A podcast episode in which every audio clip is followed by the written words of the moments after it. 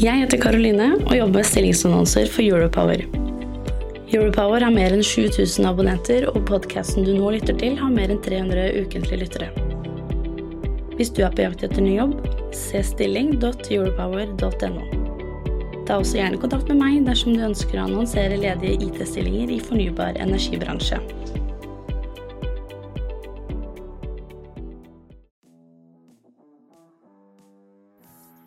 Altså, det er jo et gigantisk mulighetsrom. det er så mye Excel, og så mye som ikke trengs å gjøres Excel, og så mye som kan automatiseres, og så mye som kan brukes, og det er bare åh, det, er, det er endeløst med, med, muligheter, og ikke minst når du får lagt inn alle disse automatiseringene, så kan du liksom legge på oppå der ikke sant? og lage nye forretninger basert på informasjon man får henta inn. og ja, eh, Gigantisk mulighetsrom. Du lytter til Teknologioptimistene en podkast fra Europower Partner.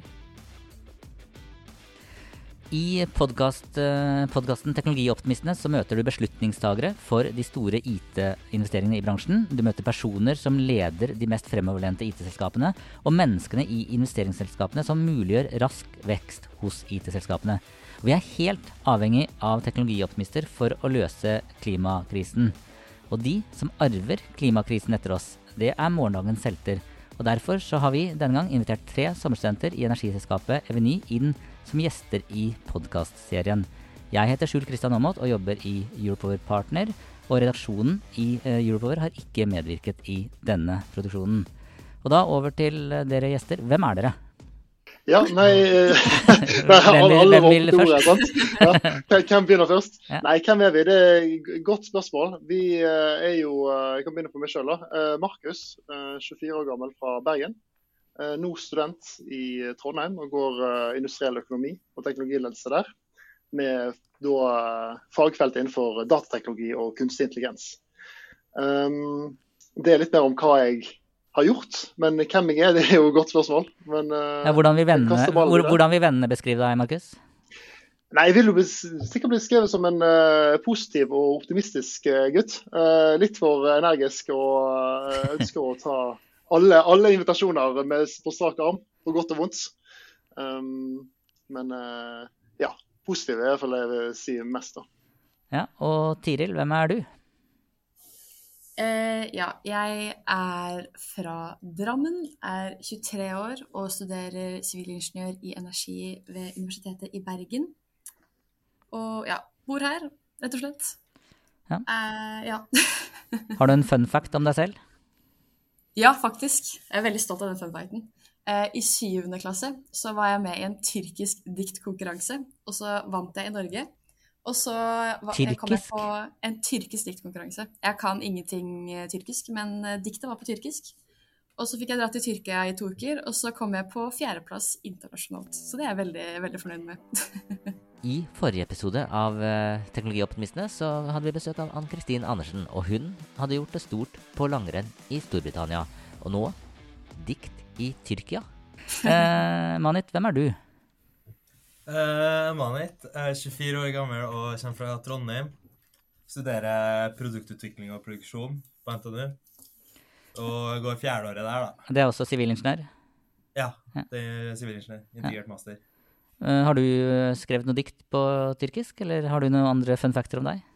Uh, dessverre har ikke jeg skrevet dikt. jeg, har, jeg kan si at jeg har familiemedlemmer på fire kontinenter. Så jeg har litt spredt familie. Så det betyr at når du er ute og reiser, så kan du bo eh, billigere? Ja, jeg kan bo eh, så å si eh, alle de Ja. Canada, Australia, Sri Lanka Ja, en del, en del steder. Ja. Og Markus, eh, fun facten om deg, ja? Ja, nei, Du satt og tenkte litt på det nå når du begynte å stille spørsmål. Og sånn, ja, Hva er morsomt med meg? Men jeg tror kanskje det mest uh, interessante jeg har gjort opp gjennom tiden, er at jeg spilte 14 år i korps. Så var ihuga korpsfan da jeg var liten. Hva slags instrument var, var det? da? Da spilte jeg uh, althorn. Så det, Se for deg en tuba, bare typ mye mindre. da. Altså Nesten like høy som overkroppen. Ja, det, mm. Men du spiller ikke nå? Nei, jeg prøvde å være litt med i noen studentkorps her og der, men uh, det er mye annet som skjer i studenthverdagen som kanskje er litt mer uh, igjen, litt mer energisk, litt mer gøy, litt mer high pace. da. Så du er ikke han, mm. du er ikke han korpsgutten på nachspielet? Nei, ikke, ikke, helt. jeg er ikke den som flekker opp gitaren og begynner med Wonderwall, nei. Det er ikke, ikke meg, nei, dessverre. Hvorfor valgte dere den studieretningen dere har gjort, Tiril? Ja, vil du ha det ærlige svaret eller det korrekte svaret? Selv så valgte jeg sivilingeniørstudiet i marinteknikk på NTNU i 96 fordi det var bilder av havfruer på studiekatalogene, så hvorfor ikke? Det ærlige svaret. Uh, nei, sivilingeniør er jo en kul tittel, det, da, så det frista jo litt. Uh, og så kom jeg fra informatikk, jeg studerte ett og et halvt år der. Uh, det ble litt mye programmering, så savna litt matten fra videregående. men så hadde jeg ikke lyst til å gå helt matte heller, så da var på en måte det å ja, en litt mer sånn tverrfaglig grad, da, syns jeg passa, veldig fint. Men en kul tittel? En veldig kul tittel. Forhåpentligvis når jeg blir ferdig. Uh, og dere andre, uh, Manit? Uh, ja, jeg starta og gikk to år på marinteknikk, da, også på NTNU. Uh, Skjønner ikke at du slutta der, altså. at du kunne slutte der, det er linja mi. Ja, jeg har fått, fått mye, mye tyn av det fra klassekameratene, da. Men så fant jeg ut at det var for mye beregning på skip og hav. Og så var jeg interessert i vann. da, Jeg har drevet med mye svømming fra før. Så jeg ville gjerne fortsette med den retninga. Så valgte jeg heller å starte på produktutvikling og produksjon, altså innenfor spesialisering for energi- og prosessteknikk. da. Og du, Markus, hvorfor valgte du denne retningen, studie, eh, studieretningen? Studieretningen? Nei, jeg begynte egentlig originalt på kybernetikk, faktisk. Eh, på NTNU òg. Uh, og det var, grunnen til at jeg valgte der, var litt fordi at jeg syns uh, roboter var kult. Og det var liksom roboter, programmering og data. Det var sånn det som var essensen av det. Uh, og så utover, da, etter jeg begynte på kybernetikk, så innså jeg at det kanskje ikke var helt, helt right fit.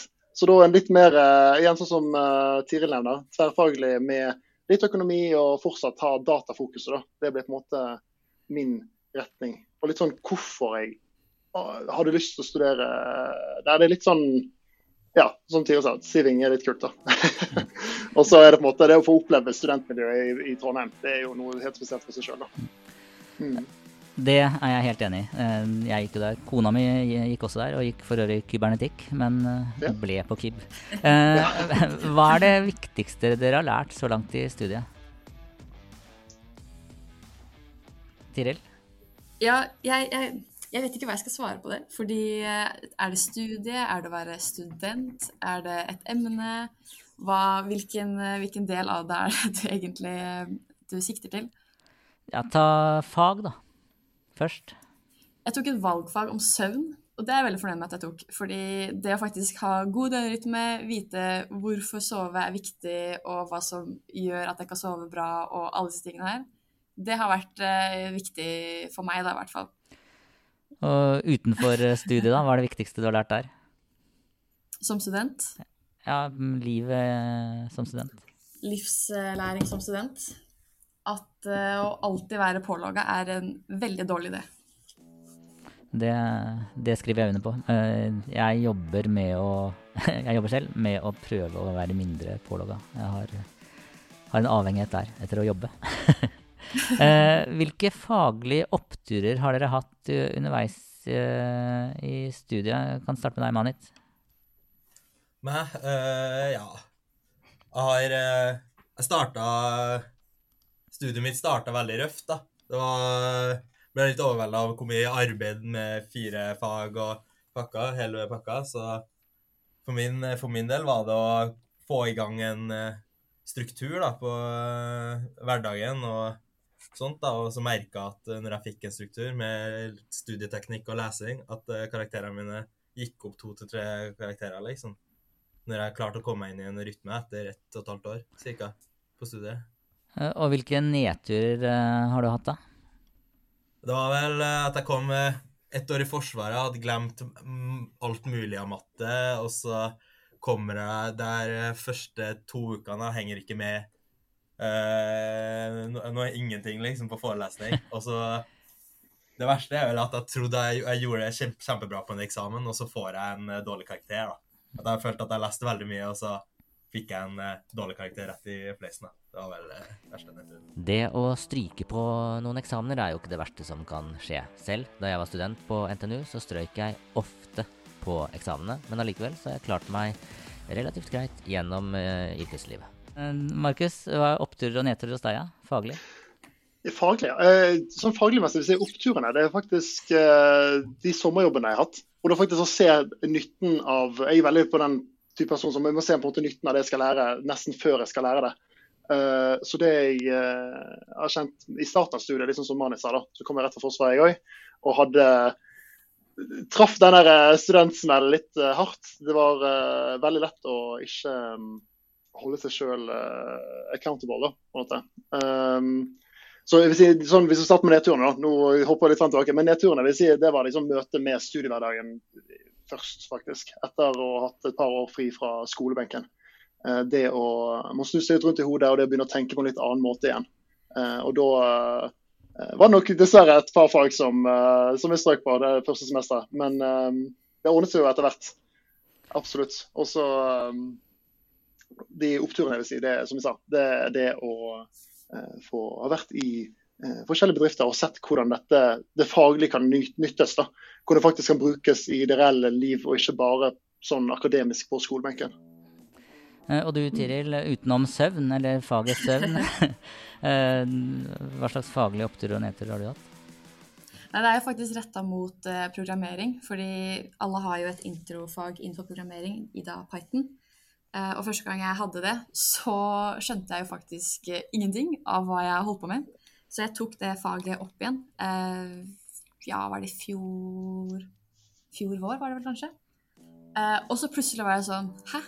jeg skjønner hva det går i. Jeg kan plutselig programmere. Og nå har jeg jo dette semesteret har jeg tatt liksom ekstrafag innenfor programmering og maskinlæring. og på en måte merker også veldig på jobben her, da, som tankesettet med det der med sånn Det med programmering og det å kunne for enkle ting, er at hvordan kan du gå fra en manuell jobb til en altså for, Hvordan kan du automatisere en manuell jobb?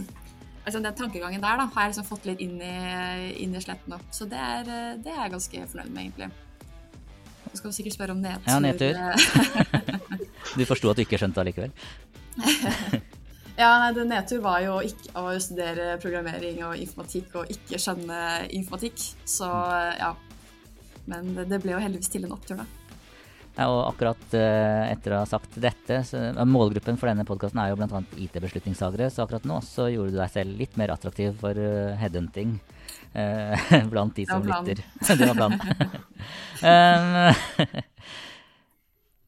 målgruppen er jo bransjen, altså energibransjen, og, og IT spesielt. Og denne, denne, delen av bransjen sliter med å få tak i nok søkere til sine jobber. Altså, det, er, det, er, for få som søker seg til energibransjen med, med teknologibakgrunn. Hvorfor søkte dere sommerjobb i Eveny? Manit? Uh, for min del så fant jeg annonsen på Finn. da.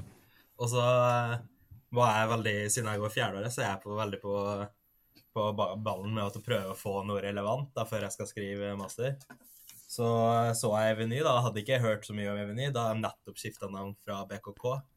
Men du hadde så, hørt om BKK, eller? ja, jeg har hørt om BKK, mm. fordi de var, det var kraftselskapet i Vestlandet, og vi har samme ca. Trønderenergi i Trøndelag, da. Ja. Og ja. Så jeg søkte der da, med litt sånn åpen søknad. Og, og så søknaden, så det var litt sånn åpent, da. Prøve å søke mest mulig.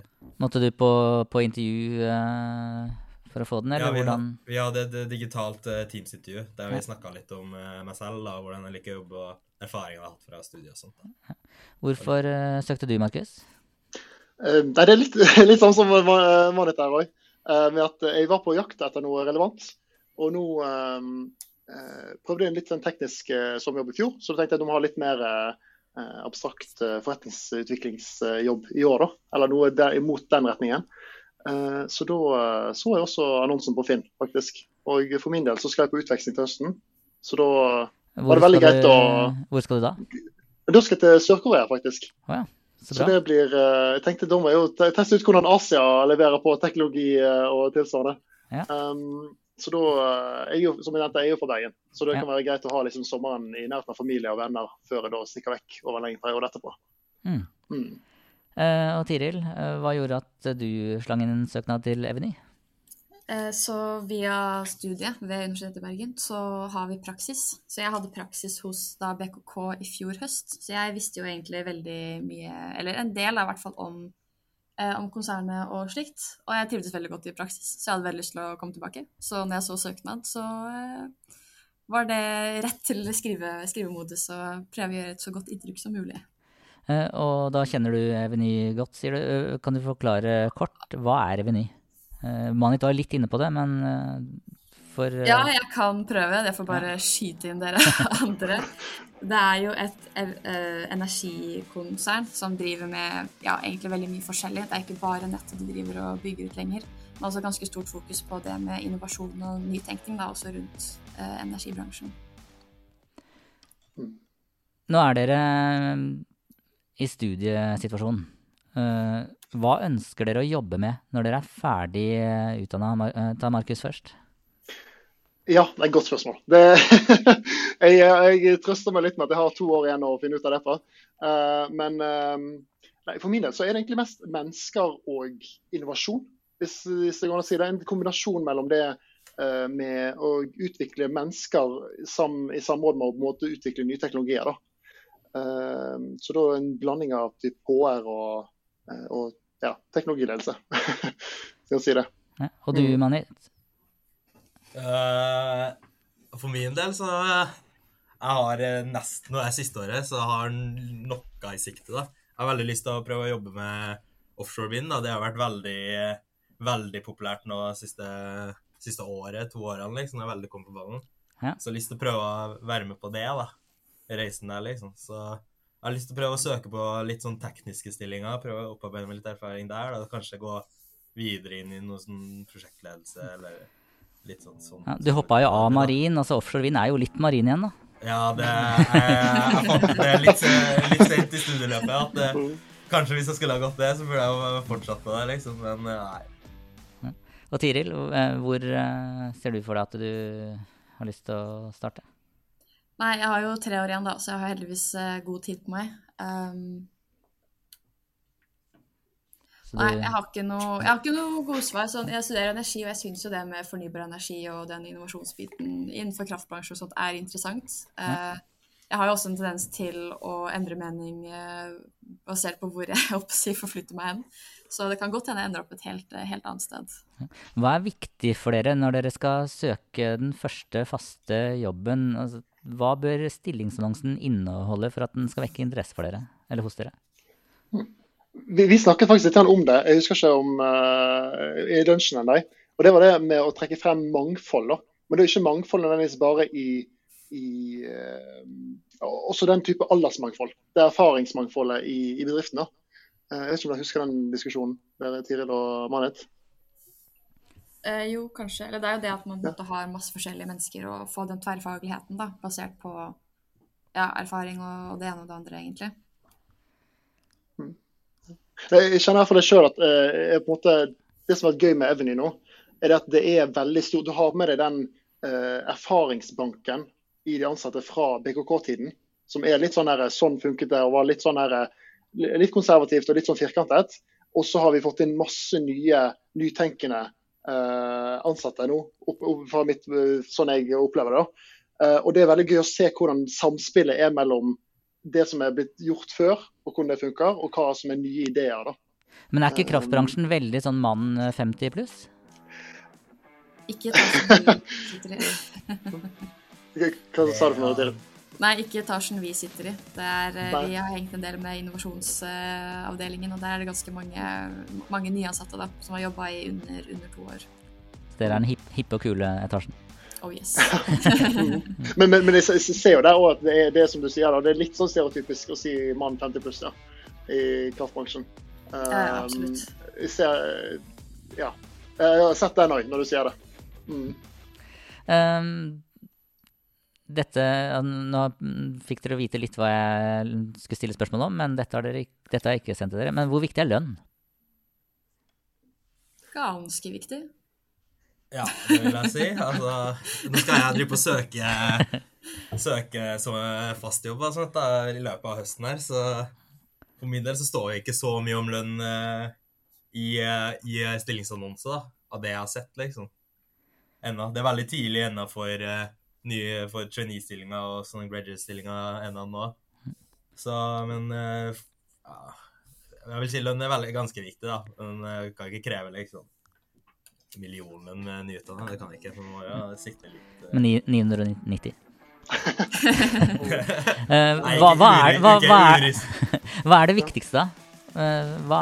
Og, og, da Nå prater jo dere til de som skal prøve å rekruttere, altså de som sliter med å få tak i de dyktigste folkene. Hva er det viktigste uh, for at dere skal ha lyst til å jobbe som nyutdanna i, i, en bedrift i energibransjen? Jeg kan jo prate for meg selv, da. Det er jo det å kunne få litt frihet til å teste ut egne ideer og, og slikt, litt innenfor det der med innovasjon og slikt. At det er ikke bare sånn 'Å, du må gjøre sånn og sånn og sånn', men at man har den friheten da, til å også kunne ja, teste ut litt sånn dumme ideer og, ideer og slikt, rett og slett. Ja. Markus, hva er viktigst for deg? Ja? Jeg, jeg kaster meg på den ballen til Tiril. altså. Jeg er kjent Nå, eh, nå i løpet av sommeren så har vi fått et par eh, oppgaver som, eh, som litt mer sånn, eller fortsatt veldig løse, abstrakte oppgaver, men eh, sånn en viss retning vi skulle gå i. da. Men så har vi også tatt opp et par oppgaver som jeg føler at vi har fått veldig kreativt utløp for. Uh, og det uh, kjenner jeg på er viktig. da. Det at det er mulighet for uh, at man også får at man får mulighet til jobben til å utfolde seg kreativt. da. Jeg hørte f.eks. at Google har jo en greie at du 80% av arbeidstiden din skal gå til de prosjektene som Google sjøl ønsker at du skal gå på. Også 20 av arbeidstiden skal gå til egne prosjekter. og det var, når jeg hørte det, tenkte jeg at det var en ting som appellerer veldig for min del. i hvert fall det å få jobbe med ideer som kanskje dukker opp litt i ny og ne. Hva ville de 20 gått til hos eh, deg nå da, Markus? Akkurat nå så har det jo gått til å lage en, en film. Nå for, for sommeren hva vi har jobbet med og for å lage litt sånn litt markedsføring og promomateriale. men det, det, kommer litt an på jobben, da. Jeg, som jeg nevnte i sted, jeg, trives jeg har lyst på noe sånn HR og innovasjonsmessig. Så da om jobben blir veldig teknologitung, så har det vært interessant å ha noe eh, å bruke de 20 på noe HR-relatert, eller markedsføringsrelatert. Eller noe som på en måte er litt på andre siden av skalaen igjen da, enn mm. akkurat det jobben går på. Uh, Tiril var inne på at sivilingeniør er en kul tittel. Uh, hvilke karrieremål har dere? Altså, hvor, uh, hvor ønsker dere å nå eh, hvis dere, når dere logger ut av arbeidslivet, skal si at ja, eh, jeg klarte det? Man, man,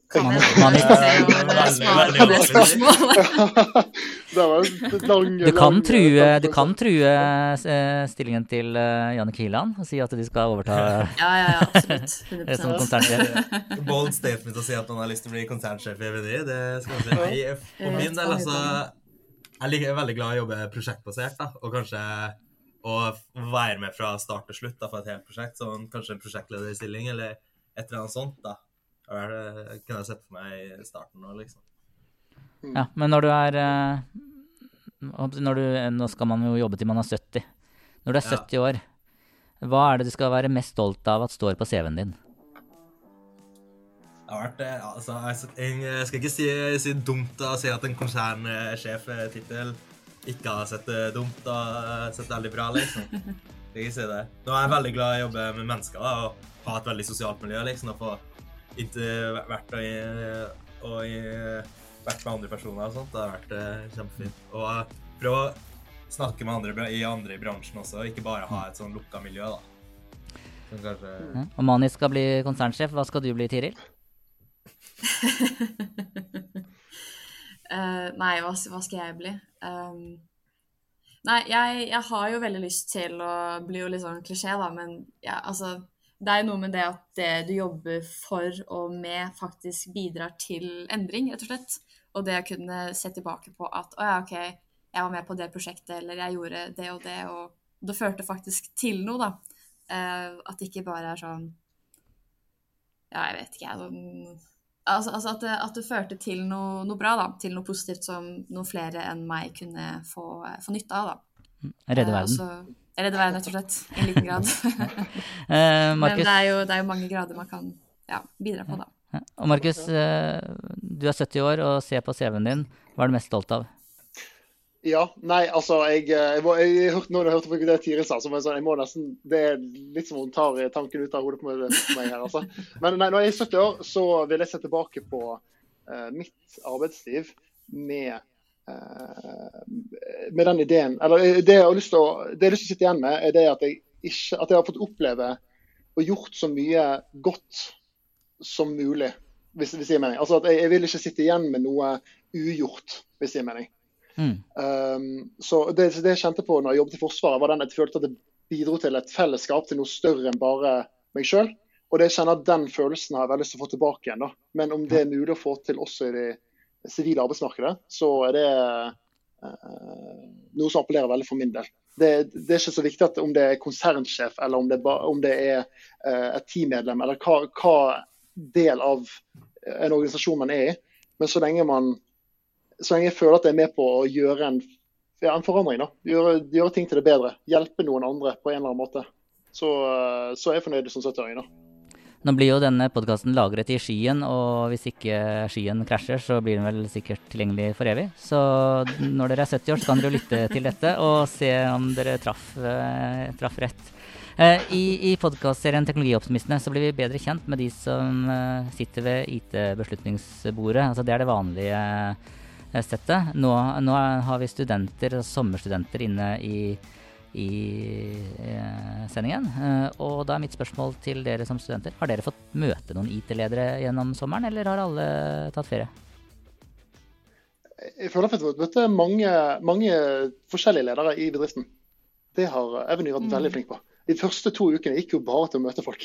det, var, det, var, nesten sånn at jeg fikk ikke gjort noe av del av sommeren vår. Og det var liksom møte her og der og fikk se bedriftens mange fasetter og um, om alle var ja. Sorry. Alt, alt, i konsernet, så å si. liksom. Alle lederne, alle avdelingene. Tatt en kaffeprat med konsernsjefen. og Det var veldig, veldig lærerikt faktisk, de første to ukene. Mm. Ja, hvordan var det å ta en kaffeprat med Jannicke Hilland? Det var veldig det var veldig læringsrikt og veldig hyggelig. Hun var, var, veldig hyggelig, faktisk. Det var veldig, liksom, veldig casual prat. Mm. Snakka om studiet, hvordan var jobb. Fikk høre litt om hennes hverdager og hvordan hun har eh, jobba i løpet av hennes karriere, liksom. Det var veldig gøy, syns jeg. Det, det, ble jo vi veldig imponert av. At hun har jo en doktorgrad innenfor hva var det for tofasestrømninger, var ikke det? Ja, noe sånn her uh, flerfasestrømning. Flerfasestrømning. Noe, det var noe heavy, heavy ja. teoretiske strømningsgreier strømningsgreier.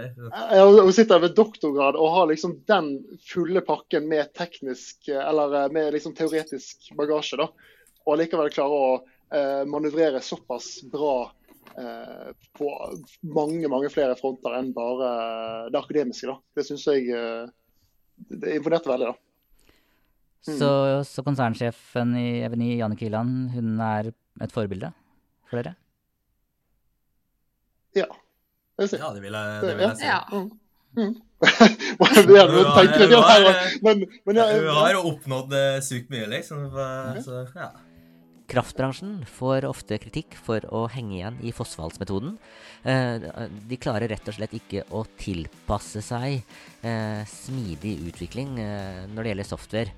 Hva tenker morgendagens helter rundt dette? No, ja, ja, jeg tar bare ord nå. Nå ble jo vi presentert med, med agil arbeid ganske med en gang òg, i løpet av de første to ukene. Da fikk vi, mm. Hvem var det for? Det var fra IT-avdelingen, tror jeg det var. Um, der vi um, hadde et par um, Teknologi og fornyelse, kanskje? kanskje?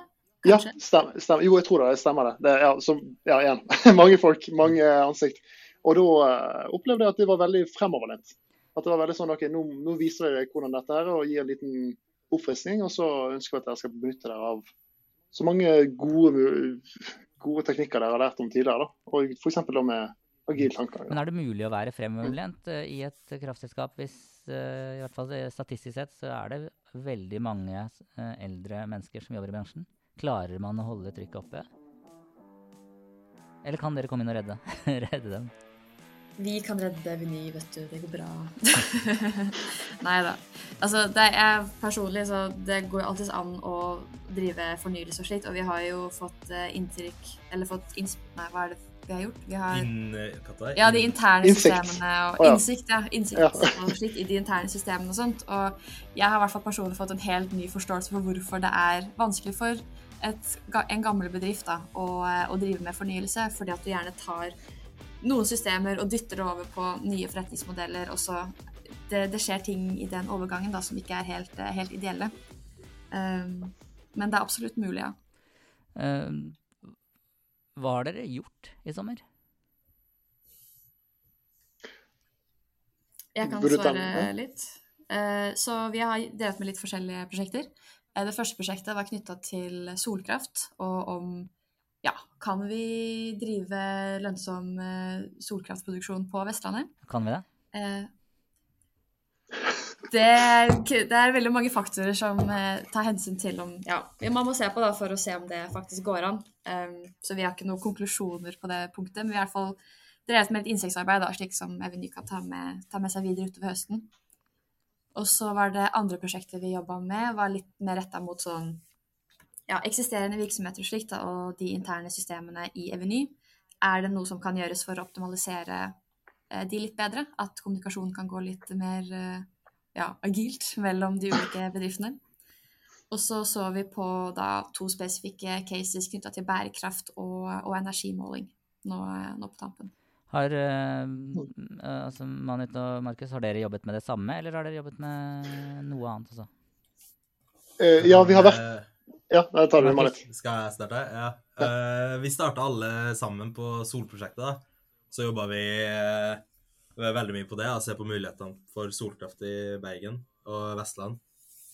Og hvordan det er sammenligna med eh, med, det som kommer til å komme ned på Østlandet og sånt. da. Og så, eh, når vi snakker om interne prosesser, så har vi delt oss opp litt i to. Da jeg jobba litt med bærekraftsdelen og sett på litt på bærekraftsrapporteringen, da, hvordan det funker på sånn karbonregnskap og sånt. Og eh, hvordan det kommer til å komme. Og så testa litt ulike programmer og slikt da, for, for den type arbeid. Hvordan funker det? Uh, det er veldig mye manuelt, i hvert fall det som har blitt drevet før. Og veldig mye knoting i Excel og, og veldig, mye, veldig mye manuell innhenting av data og beregning og sånt da, som kan være mye mer uh, bedre løst. da. Men kanskje med ja, litt mer bedre dataflyt internt i bedriften. Du svarer veldig politisk korrekt, så du er allerede på vei til å bli ja, ja, det, ja, det, det blir vanskelig. Det blir veldig tungvint. Uh, og Markus, uh, har du jobbet med noe spesielt som ikke er blitt nevnt her i, nå i sommer? Uh, ja, nå har vi jo også de, Nå var jo de fire hoved... beklager, ja, fire hovedoppgavene fra Eveny marked. Og så har vi også fått um, hun ene fra Selina, som heter, fra uh, Eveny Digital. Kaste seg litt på. Nå når det endelig var sommerstudent der inne, og nye i øyne og nye tanker og ideer, så har hun kastet ut litt eh, ekstraoppgaver for de som ønsket det. da. Eh, Og da eh, har jeg og eh, Thea, hun andre som er på teamet vårt, eh, jobbet med 5G og fiber. Nå er jo 5G på full anmarsj, ser vi bare på reklamene fra Telia og Telenor.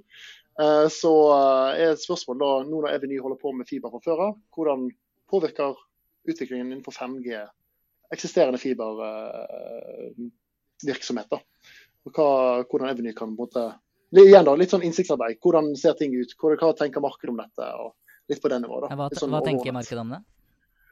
Um, nei, Godt spørsmål. Det er veldig mange forskjellige eh, behov og ønsker. Noe, du har de store konsernene som har behov for eh, god sikkerhet og nøyaktig og garantert oppetid så og så, lenge. Uh, og så er det noen mindre bedrifter som kanskje er litt mer um, um, Altså de, større som sverger til litt mer tradisjonelle som type fiber. da, eh, Litt mer tradisjonelle former for kommunikasjon. Mens så har du kanskje de litt mindre småbedriftene som ser at det er mulig å spare litt penger på uh, Istedenfor å bygge ut en fiberledning, bare smelle en antenne på taket og så bruke 5G-nettet istedenfor. Til uh, fast dataoverføring. Mm. Så det er, um, det er forskjellige sider på dette her. Og så kommer man an på å se hva blir de store markedsretningene um, uh, etter hvert. da. Men det, det tror jeg tiden vil vise. Uh, Mm. hva fascinerer dere mest når det gjelder teknologi i energibransjen? Vi kan starte med Tiril. Altså, det er jo et gigantisk mulighetsrom. det er så mye Excel, og så mye som ikke trengs å gjøres Excel, og så mye som kan automatiseres, og så mye som kan brukes, og det er bare åh, det, er, det er endeløst med, med, muligheter, og ikke minst når du får lagt inn alle disse automatiseringene, så kan du liksom legge på oppå der ikke sant? og lage nye forretninger basert på informasjon man får henta inn. og ja, eh, Gigantisk mulighetsrom. Hva fascinerer deg, Markus? Um, ja, hva fascinerer meg? Egentlig, det, det, som overrasket meg mest da jeg begynte i Eveny, var at jeg så for meg at teknologibransjen, nei, sorry, energibransjen der har man jo hatt strøm de siste 100 årene pluss. Så tenkte jeg at ok, hvis de har hatt strøm så lenge, da har de hatt datamaskiner fra dag én det kom ut. Om det har hatt det, det, I hodet mitt så tenkte jeg at det ga mening. Så det vil si at alt innenfor uh, energibransjen er, det er automatisert. Alt er, funker uh, plettfritt. Og da er det litt sånn som uh, Nei, nja. det, det, funker. Det gjør det. det. det. funker, men det er alltid mulig å forbedre ting. da. Um, så det er litt, litt sånn en, sånn Tiril, uh, to uh, hoder og samme tanke her, altså. Um, men uh, muligheten for forbedring, det syns jeg. Og så samtidig de nye områdene. altså nå har vi, som vi snakket om nå, da, Solkraft på Vestlandet. altså Hvis du hadde foreslått dette på 80-tallet, eller 90-tallet, at man skulle begynne å feste solceller på taket sitt i den byen i Norge det regner aller mest, så hadde jo folk tenkt at det var helt sprøtt. Mens nå sitter vi og ser at det kan hende at det blir økonomisk lønnsomt om kun kort tid. Um, så litt den um, ja, ja. utviklingsområdene der, da. Solceller i Bergen er fascinerende. Mm. ja, absolutt. altså, hva var det i går? I går var det jo sol eh, på taket. Da var jo, vi har en sånn uh, grafikk uh, nede i kantinen der som viser hvordan energiforbruket er på bygget, sånn, litt sånn overordnet. Og Da uh, så jeg faktisk at halvparten av strømmen som dette bygget, eller kontoret vi sitter i nå, forbrukte, det kom fra solceller på taket mm. og batteribank i kjelleren. da. Og det var uh, tenkte jeg, vet du hva, Der har vi jo 50% spart allerede der. Så da uh, ja, en lys fremtid i møte, da. uh, og i neste podkastepisode så skal vi prate med solcellegründer Andreas Torsheim i O2. Så da kan vi jo følge den videre. Ja. Men Manit, hva fascinerer deg mest med teknologi i energibransjen?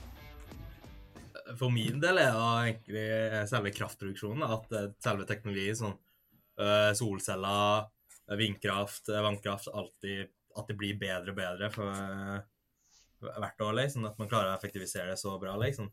Selv om at Norge er best på vannkraft, så klarer man fortsatt å finne måter på å gjøre det enda bedre på. da. Sånn type ting, liksom. At man klarer å optimalisere allerede pågående produksjon, liksom. Og hvis det er én utfordring dere skulle løst i energibransjen ved hjelp av software som dere kunne bygge. Hva skulle den utfordringen vært, og hvordan skulle den softwaren eh, fungert? Eh, start med Tiril. Han skulle fjerna Excel, eh, manuell input i Excel. Nei da, Excel er bra, det. Bare ikke alltid. Ja, Excel-killeren. Det, det, er min nye, min nye idé. hva er den, den, vil jeg investere i. Markus, hva, hva, er utfordringen du skulle løst? Med, Nei, jeg sitter og tenker på det nå, altså. Um, det er mye å ta av, og mye som um, også funker uh, bra. Men uh, jeg vil si altså typ smart grid-retning. Det er jo allerede en retning som får utvikles mye på. Men jeg tror det er mye å hente på bare å få økt samspill og kommunikasjon mellom ulike forbrukere og produsenter innen det markedet man, man, har jo prøvd å løse det med, altså nå med Nordpol og, og strømbørsen. Så har man jo på en, måte på en viss måte løst sånn forbruk og produksjon. Men jeg tenker at det er så mange måter å effektivisere det. Det er noe med elbilladere og, og tilsvarende. Det å på en måte eh, for eksempel, altså, Som jeg også snakket om tidligere, toveislading. Eh, Bruke elbiler som batteri og eh, tilsvarende. Så noe, noe innenfor det. Jeg er ikke helt, eh, helt uh, like konkret som Excel-killer, men uh, men noe Ja, kommunikasjonsforbedrelse, ja. det er det sagt. Mm. Og Manit, hva skulle du løst? Uh, nei, si det. På software. Altså, jeg vil ha kanskje noe sånn strømme strømmen eh, så dyr, da. Bare mekka noe som et program da, som tar og optimaliserer hjemmet ditt eller huset ditt da, forhold til hvor mye kraft, kraft du forbruker, liksom. Og liksom når, når, du har en peak på strøm, strømnettet, så bare regulerer det at du bruker på å bruke mindre strøm, liksom. Og så ta litt her og der, lage sånne, lage sånne bank, da, så du slipper aldri tenke på. Og kanskje ikke bli liksom overraska over at nå blir det en 5000 eh, kroner dyr strømregning, liksom. Nå bor jeg i Trøndelag, og da er strømmen sykt billig i forhold til det på Vestlandet og Sør-Norge, liksom. Så har jeg liksom ikke hatt det problemet Nei, gjennom året Vi totalrenoverer eh, deler av huset vårt nå, eh, og vi har hatt strømregninger eh, per måned på 11 000-12 000. Så kan ikke du lage denne softwaren raskt, og så ringe meg? ja, jeg skal kanskje finne noen utviklere på NTNU som har lyst til å lage, lage en sånn grundig startup, liksom. Sånn, Eh, vi har noen faste spørsmål i denne podkastserien som heter Teknologioptimistene. Eh, og et av spørsmålene er hvorfor bør eh, de beste IT-folka søke seg mot energibransjen? Markus, hvorfor bør man det? Nei, jeg synes det er fordi, som jeg nevnte innledningsvis, strøm og energi og IT. Det er, jeg ser på det bare som en sånn, gjensidig avhengig, avhengighet. Så er, for, min, min, for, min, del så er det no-brainer, egentlig det er, uten energi så kommer man ingen vei. Og Manit, hvorfor bør de beste IT-folka søke seg til eh, bransjen? Mm, jeg kan se for meg å være utvikler. da. Det veldig, kan være veldig spennende. Nå har jeg ikke vært utvikler sjøl, så du får jo jobbe med sykt ting. da. Men se for deg hvis du har lyst til å ha det på hjertet at du liker å, at du, det du lager, har en påvirkning, og kanskje redde verden, da, hvis det er lov å si det, liksom. Og for en fornybar verden, så kan du være med på den ballen da, og søke seg inn i en energibedrift. Og, og Tiril, i en bransje full av Excel, hvorfor bør de beste IT-folka søke seg til denne bransjen? Nei, det Eller ja, jeg har jo ikke fasiten, da, men kanskje litt for å spille videre på det Manit og Markus har sagt, så er det jo det med at energibransjen eh, har kanskje ikke så mye kunnskap om på en måte teknologi, da. Sånn at hvis du som utvikler eller noe søker deg til energibransjen, så har du kanskje at du har, du har, kanskje veldig mye å komme med, da, og kan faktisk Hvis du er en person som liker å komme med litt egne ideer og, og slikt, at du kanskje har jeg, jeg, ser for meg i hvert fall da, at du da vil kunne ha veldig mye påvirkningskraft, da, rett og slett. Du får stor rom til å eh, utvikle, ja. være med på å forme hvordan det vil se. Da. Ja, takk. Ja, akkurat det Manit sa. Tidligere i denne podkastserien så uh, har vi stilt spørsmål om uh, hvilket merke var din første datamaskin. Og da, ja, da er det Commodore 64, Amiga, den type ting. Min første datamaskin var Amiga. Nå er vi kanskje over en, litt, et litt annet segment. Har noen av dere hatt en Commodore 64? Nei. med, kassettspiller? Nå, pappa jobba som dataingeniør. Han jobber som dataingeniør og har vært med på Så vi hadde et sånn her En av de gamle Mac-ene stående i stua som et sånt symbol. Det er fortsatt uh, Macintosh-maker, liksom, så Den har stått på ikke stua, men nå står den på et lager eller noe sånt i kjelleren, men uh, Den bør jo sånn. tas opp igjen som et møbel. Ja, ja, det bør jo det egentlig det, som brevvekt eller noe sånt. Det er jo nesten en dørstoppe, den mursteinen der, liksom. Hva var din, har hatt en sånn hva var din første datamaskin, Markus? Um, nei, Jeg har vært så heldig at jeg alltid bare har fått låne pappa sine jobb-PC-er. Så, så, jeg har på en måte, så jeg kjøpte ikke min egen datamaskin før uh, etter konfirmasjonen. Uh, og da var Jeg sånn, vet du hva, jeg hadde gått rundt og sikret på Apple kjempelenge. Og jeg tenkte at dette her må jo være fremtiden på en eller annen måte. Med gøy design og med masse fancy greier og sånn. Så da, min første datamaskin som jeg kjøpte for egen lomme, det var en Macbook Pro eh, i 2012. Og da valgte jeg å gå for den gamle modellen. sånn at jeg, Det var akkurat samme år eh, den Retina-versjonen kom. Mm. Eh, men da valgte jeg å gå for den gamle modellen, for da visste jeg at dere kunne bytte ut både harddisk og CD-rom og alt sånt med forskjellige SSD-er etter hvert som fremtidens uh, uh, muligheter kom. da. Bytta du, ut, noe, bytta du ut ja. noe, eller kjøpte du nytt? Hva sa du? Bytta du ut noe etter hvert? Ja, ja, det gjorde jeg. Jeg ga den faktisk den. Den lever fortsatt i dag, altså. Den, jeg, jeg tok og byttet ut CD-rommet med, med, en svær svær harddisk, 5 terabyte harddisk eller noe. Og så kjøpte jeg en SSD som, som hovedprogram og OS-driver. da. Eh, så den eh, Med unntak av at prosessoren begynner å nå bli hva, hva da, 15, nei 12, 10 ish år vel, så uh, funker alt annet uh, kjempebra. altså. Litt treg, men uh, han, han, gjør det han skal hvis jeg må bruke han. Jeg, jeg kjøpte meg en ny når jeg begynte å studere, da, for jeg kan ikke gå rundt og bære på murstein. Men, men, det er gøy at han, jeg kan skru han på, jeg kan logge på mail og lese, det, lese NRK og alt sånt. her, Så det, ja, han lever fortsatt. Han lever fortsatt. Hva var din første datamaskin da, Tiril? Nei, det har ingen peiling. Uh, nei. Jeg, kan, jeg, vet, jeg, vet, ikke. Jeg vet ikke om det var en Mac eller om det var en PC før det. Nei, Nei sorry. det, det, er ikke så farlig. Det var, det var, ikke det jeg la merke til uh, som ung, hva slags type PC. Det var sånn, enten så var det Mac og den var uh, skinnende sølv, eller så var det PC, og så vet jeg ikke hvilket merke det var. Eh, dere har denne uka igjen, og så er dere ferdig i, i, denne omgang i Eveny. Mm.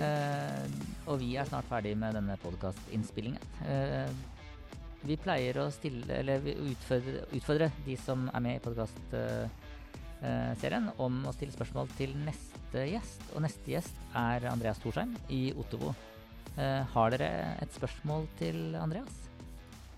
Oh, det er det gøy du sier. Ja. det, det, har vi jo masse innsikt på nå, vet du. Um,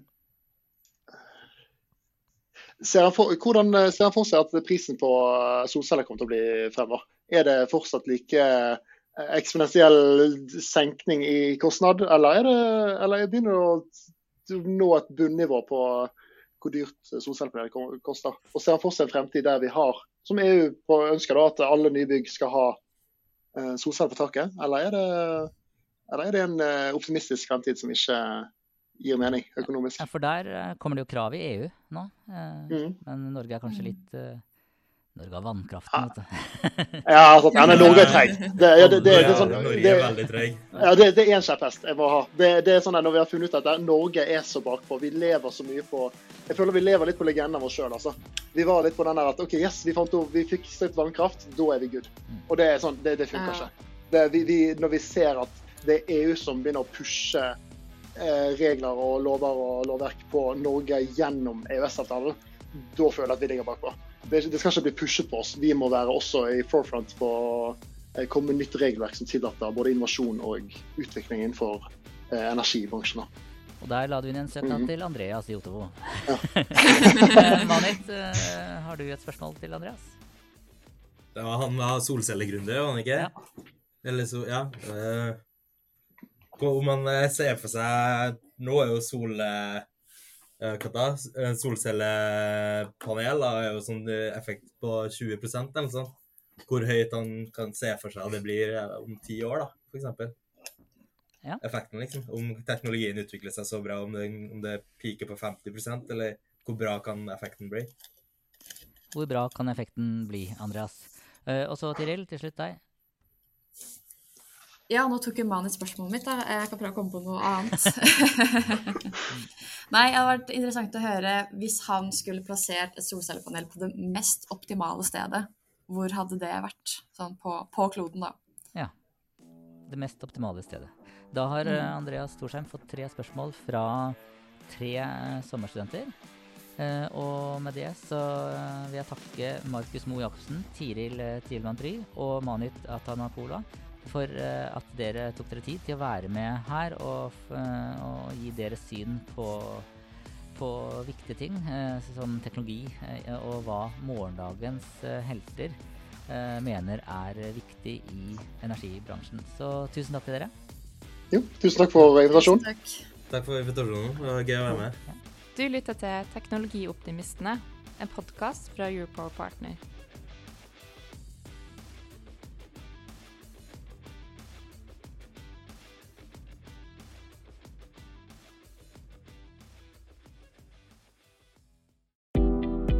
Jeg heter Karoline og jobber med stillingsannonser for Europower. Europower har mer enn 7000 abonnenter, og podkasten du nå lytter til, har mer enn 300 ukentlige lyttere. Hvis du er på jakt etter ny jobb, se stilling.europower.no. Ta også gjerne kontakt med meg dersom du ønsker å annonsere ledige IT-stillinger i fornybar energibransje.